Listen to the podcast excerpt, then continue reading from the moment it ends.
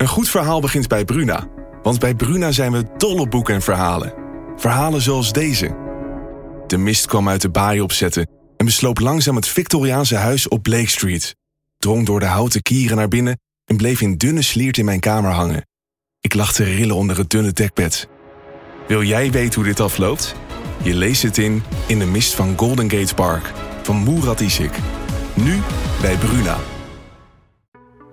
Wat als de Russen komen? Oh, dat vind ik een interessante. Ehm, als de Russen komen, dan ehm, is dat allereerst een teken dat er heel veel grondig is misgegaan. Want het is niet de bedoeling dat ze komen. De dreiging is alledaags. De Litouwers die voelen zich hier daadwerkelijk gewoon bedreigd. En voldoende ook voor de NAVO om te zeggen: wij gaan hier met onze partners zitten. Voor het eerst in 20 jaar zet Nederland weer tanks in op inzetgebied. En dat is uniek. Als je kijkt zoals dat we hier nu zijn in Litouwen, in het, in het grote gevecht, nou, dan denk ik dat de tank uh, goed tot zijn recht komt. Die kan doelen uitschakelen over een paar kilometer afstand, als hij daar genoeg zicht voor heeft. Nou, zoals open, open velden zoals hier, komt hij, uh, komt hij uitstekend tot zijn recht. Daarom denk ik dat we hem wel nodig zijn.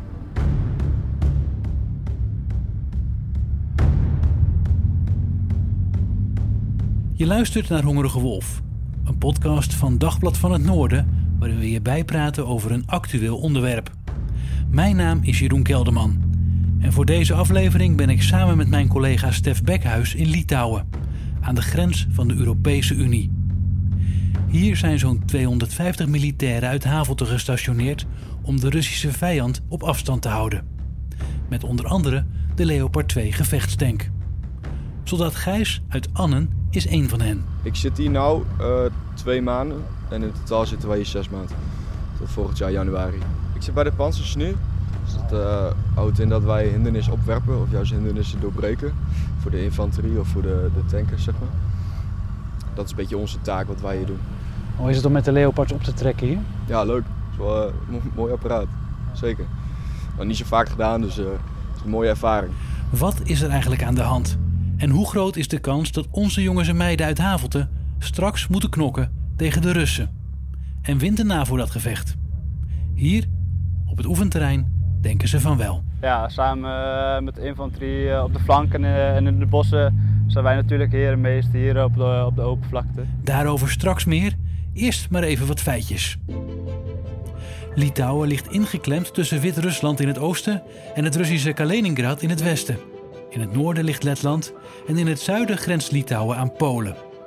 Het land heeft een kleine 3 miljoen inwoners en de hoofdstad is Vilnius. Een groene stad waarvan zeker de oude binnenstad met prachtige gebouwen en kerken het bezoeken meer dan waard is.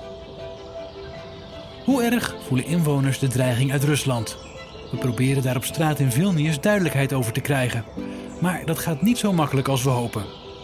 Een jonge vrouw met een Russische opa legt het aan ons uit. That's that depend on uh, on the people. Like if they interested maybe in politicians, maybe they are talking with the close, you know, friends, uh, family members. Like oh, the Russians are coming or something like that. But those people who are not interested and maybe I don't think so. Mensen die interesse hebben in de politiek zullen het met hun familie en close vrienden ongetwijfeld over de dreiging uit Rusland hebben. Maar anders niet. Litouwers zijn een stuk gereserveerder dan wij in Nederland. En het is nog een hele kunst om mensen voor de microfoon te krijgen. Eerst een praatje maken en daarna vragen of je hun verhaal ook mag opnemen, blijkt de beste methode, ontdekt mijn collega Stef Bekhuis. Lithuania is a small, small country, and the people know that Russia and and the, the West and the Russia, between them is Lithuania and some other countries. So we know that our our country is a hotspot. Most people are scared of the military power, but um, I know for a, for a fact that uh, Russia does invade uh, and does invade Lithuania in social media. Uh, they have some people who are paid to do their jobs to propagate, to give propaganda to Lithuanian people.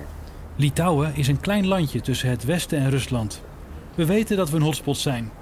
De meeste mensen zijn bang voor Rusland omdat het een grote militaire mogendheid is. Maar Rusland is de sociale media in Litouwen al binnengedrongen en er worden ook mensen betaald om propaganda te maken. I don't feel such uh, like some kind of feeling that they can invade or make a war like suddenly. It doesn't feel like that. At least those who I know, they don't feel such a thing. I mean, they are not afraid and it's it's fine. We are living our lives like every normal day. Maybe someone, but maybe those who are who has more close borders or something. Maybe yes, but Ik heb niet het gevoel dat Rusland bezig is met een invasie of ieder moment een oorlog kan beginnen. En de mensen in mijn omgeving hebben dat ook niet. Misschien mensen die dichter bij de grens wonen. Het is wat ingewikkeld, zo niet onmogelijk om op basis van deze paar reacties een conclusie te trekken. Maar dat er geen sprake is van blinde paniek is wel duidelijk. Wel wordt door sommige mensen een zekere dreiging gevoeld. En dat is ook precies waarom de NAVO troepen in de Baltische Staten en Polen heeft gestationeerd. Vertelt Nicolaas Kraft van Ermel, Ruslanddeskundige bij het Nederland-Rusland Centrum en docent geschiedenis aan de Rijksuniversiteit Groningen. Die Baltische staten, Estland, Letland, Litouwen, zijn lid van de, van de NAVO. En de NAVO heeft het befaamde artikel 5. Een, een artikel dat zegt: een aanval op één van ons is een aanval op alle van ons. Dat betekent dat je A. de binnenlandse politiek van die landen gerust moet stellen van hé, hey, als er iets gebeurt, dan komen we ook echt. Maar reden 2 is ook om aan te geven aan de partij aan de andere kant aan de grens, Rusland, van hé, hey, pas op, er zijn rode lijnen en die rode lijn ligt er bij militaire interventie in NAVO-lidstaten.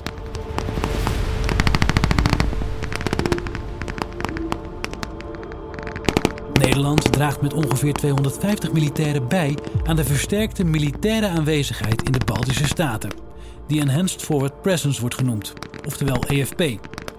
Tijdens de EFP-inzet in Litouwen zijn nu zo'n 1200 militairen aanwezig die werken vanuit het basiskamp in Rukla. De militairen komen uit zes landen. Naast Litouwen zijn dat Nederland, Duitsland, Noorwegen, Tsjechië, België en Luxemburg. En die zijn vooral bezig met oefenen. Corporaal Dion uit Balkbrug werkt bij de Genie en trekt op met de Leopard 2 gevechtstank. Indirect werken wij, uh, werken wij samen met de Leopard 2. Wij hebben ons eigen voertuig, uh, de Boxer. Dat is een uh, panzerwielvoertuig. En daarmee rijden wij achter de Leo 2 aan. En wat doen jullie dan precies? Ehm, zodra de Leopards of de infanterie op een hindernis stuit, dan komen wij naar voren en dan ruimen wij de hindernis op door middel van explosieven of je kan het zo gek niet verzinnen eigenlijk. Dat is ons werk. De weg vrijmaken eigenlijk? Ja, wij banen de weg. Maar ook kunnen we de weg ook weer dichtleggen. Door middel van uh, uh, mijnenvelden, draadhindernissen. Hebben we ook uh, verschillende manieren voor. Al dat oefenen zorgt uiteindelijk voor een betere samenwerking tussen de verschillende landen. En iedereen leert van elkaar, merkt soldaat Gijs uit Anne. Dat doe je natuurlijk in Nederland of zo, doe je dat niet zo vaak. Dus het is mooi dat je hier de kans toe krijgt. Dus dat is wel vet om te doen, ja, zeker. Wat zijn dan de verschillen tussen de landen? Heb je daar iets in meegemaakt? Ja, het, uh, het optreden zeg maar. Elk land doet wel zijn dingetje anders. Dus dan kun je ook wel van elkaar leren hoe, dat nou, hoe hun het doen en hoe wij het doen. Een paar weken geleden hebben we Engineer Thunder gehad. Dat was een uh, oefening voor echt puur alleen genie. Met, uh, met Litouwen, met de Duitsers, met de Amerikanen, met de Britten en zo. daar zie je wel echt de verschillen van hoe hun te werk gaan en hoe wij te werk gaan. Dat is wel mooi om te zien. Leren van elkaar. Zit het dan in praktische dingen? Of, ja, ook. Of, of in, uh... ja, praktische dingen, maar ook hoe de hogere leiding zeg maar, met elkaar, hoe dat gaat. Zeg maar. Bijvoorbeeld hoe je een mijnenveld legt. Dat, wij hebben daar onze manieren voor hoe je een mijnenveld legt. Maar de Duitsers doen dat heel veel anders dan ons bijvoorbeeld. Of de Litouwers. Die gaan heel anders te werk. En dat hebben we, dan, dat hebben we daar gezien in die oefening. En dat hebben we ook zelf meegeholpen en hun hebben bij ons meegeholpen. Zeg maar. En dan leer je van elkaar van, van, oh ja, zo kan het ook anders. Weet je wel.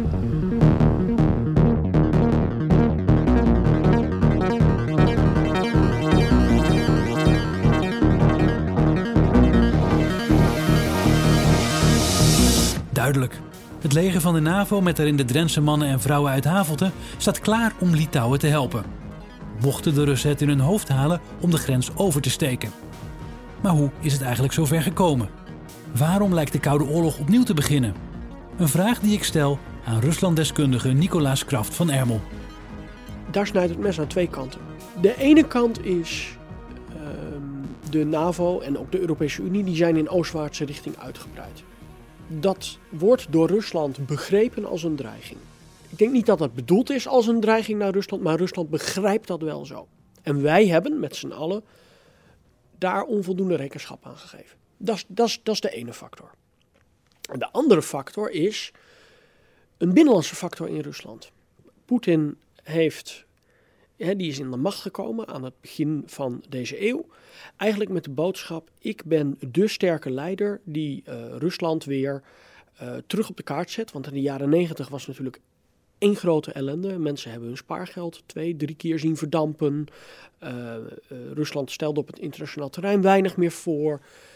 Dus, maar Poetin zegt: ik maak Rusland weer groot. Ik zorg voor veiligheid en ik laat iedereen meegenieten van economische groei. En die economische groei die kwam uit, met name uit koolwaterstoffen, dus uit olie en gas. Nou, wat is er aan de hand?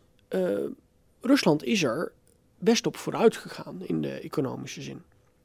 En wat je ziet is er is een middenklasse ontstaan. Die was er niet, maar die is wel ontstaan. En die zijn begonnen invloed op te eisen. Er kwam steeds meer verzet tegen de wijdverbreide corruptie in de Russische overheid. Daar kan dat uh, regime geen antwoord op uh, geven. En wat is dan prachtiger dan het allemaal af te kunnen schuiven op een zondebok die buiten ligt? Kijk, de NAVO is de grootste dreiging voor Rusland en die hou ik lekker mooi buiten de deur. Dat is wat, uiteraard wat gechargeerd. Het is een wat complexer plaatje, maar in hoofdlijnen is dit wat er speelt. Het verhaal uh, persen wil ik eenmaal tanken, tank en de 7901 de zijkant hebben. Kruislinks bij elkaar, we kunnen daar de interviews doen. De rest van de voertuigen kunnen jullie gebruiken voor die eigen foto's. We zijn door Defensie uitgenodigd om een persdag bij te wonen van een grote internationale oefening bij het plaatsje Pabrade in Litouwen. Op een kilometer of tien van de grens met Wit-Rusland. Zware Nederlandse Leopard 2 tanks rijden ons tegemoet met daarachter CV-90 panzerrufvoertuigen uit Havelte. Het is voor het eerst in 20 jaar dat Nederland weer tanks op uitzending heeft. Nadat de Leopard 2 in 2011 werd wegbezuinigd bij gebrek aan dreiging. Huzaar Tyron uit Groningen is de chauffeur van een van de Nederlandse tanks in Litouwen en hij heeft nu het beroep waar hij als kleine jongen van droomde. Nou ja, als je er goed naar kijkt, dan, spreekt het denk ik wel, redelijk voor zich. Het is gewoon, uh, ja, ik denk wel het gaafste apparaat dat de landmacht uh, in bezit heeft. En als klein jongetje, als je dan bijvoorbeeld op een open dag staat, dan uh, droom je er toch van om in zo'n ding te werken. Dat is fijn als het er nog lukt. het motorblok heeft 1500 pk. En op papier kan die uh, 72 uh, km per uur voorwaarts. Nou wil dat wel eens afwijken, loopt de een loopt wat harder, harder dan de ander. Maar als rap zat, door het terrein al je wel snelheden van 40 km per uur, dan wel harder. Trein, af, trein afhankelijk. Maar hoeveel hebben we eigenlijk nog aan die Leopard gevechtstank? In een tijd waar de dreiging toch vaak via het digitale slagveld komt. Beïnvloeding door nepnieuws en aanvallen door hackers zijn aan de orde van de dag. Maar volgens Ruslanddeskundige Nicolaas Kraft van Ermel sluit het een het ander niet uit. De manier waarop we met elkaar verweven zijn is natuurlijk heel sterk veranderd. En dat betekent gewoon een heel nieuw dreigingsbeeld. Maar dat dreigingsbeeld komt naast het klassieke dreigingsbeeld, het militaire dreigingsbeeld. En dingen als uh, beïnvloeding via social media met bijvoorbeeld nepinformatie. Dingen als uh, uh, nou ja, spionage, uh, daarvoor geldt, wij doen dat net zo hard ook. Uh, wij spioneren ook als, als Westen. Uh, dus spionage is wat dat betreft een wat normaler iets, wat we al langer kennen. Maar het dreigingsbeeld wordt er wel heel erg complex van. Uh, omdat je die beïnvloeding via social media, die echt wel plaats heeft, ja, die belandt direct bij mensen in de woonkamers. Hè? En ook nog heel gericht. En het, mm, het probleem is dat ons type samenleving, um, een democratie, um, daar in de praktijk heel weinig een antwoord op weet te formuleren. Omdat je dan gaat morrelen aan datgene wat ons maakt tot, tot wat we zijn. Namelijk een land waarin je alles kan zeggen, ook al is het kolder.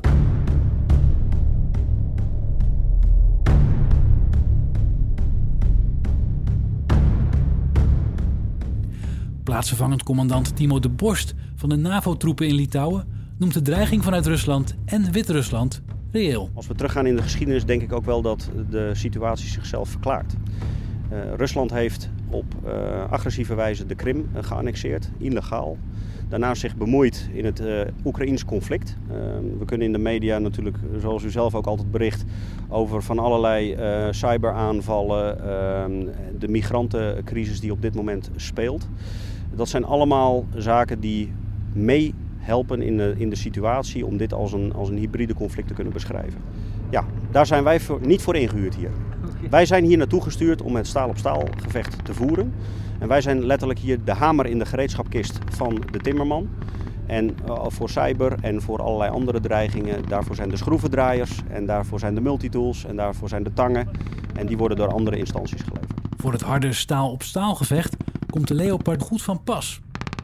NAVO-eskadronscommandant Major Rutger legt uit. Nou, een tank brengt uh, slagkracht op het slagveld.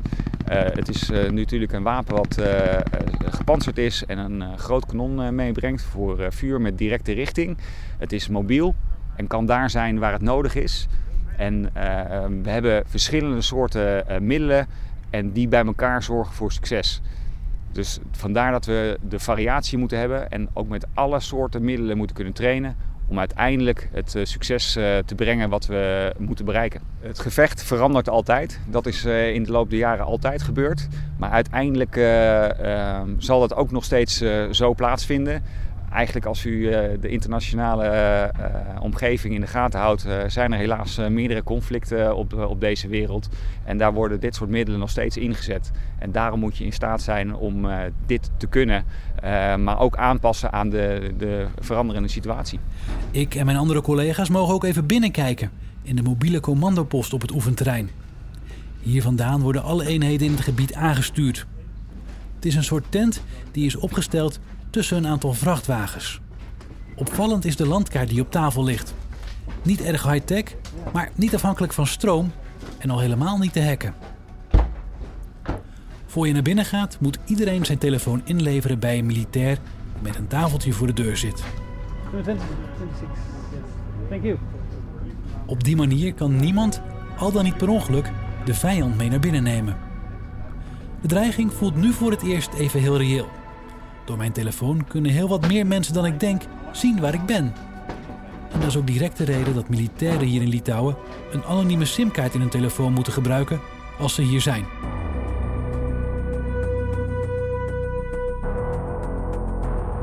Voor een invasie hoeven we niet bang te zijn, maar daarmee is een gewapend conflict niet van de baan, zegt Ruslanddeskundige Nicolaas Kraft van Emmel. Als je rationeel ernaar kijkt, zou het voor Rusland eh, zelfmoord zijn om een, een grootschalig conflict te ontlokken.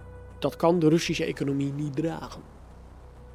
Het probleem is, wat er, wat er gebeurt, is dat er aan de randen van Rusland steeds kleine conflictjes worden ontlokt.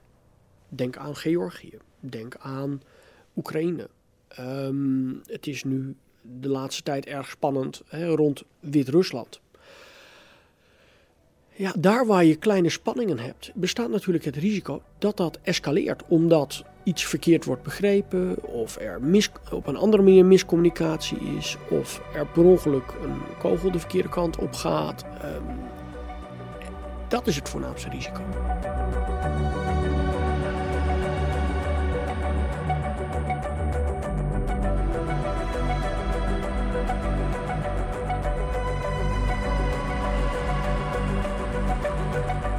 Dit was Hongerige Wolf.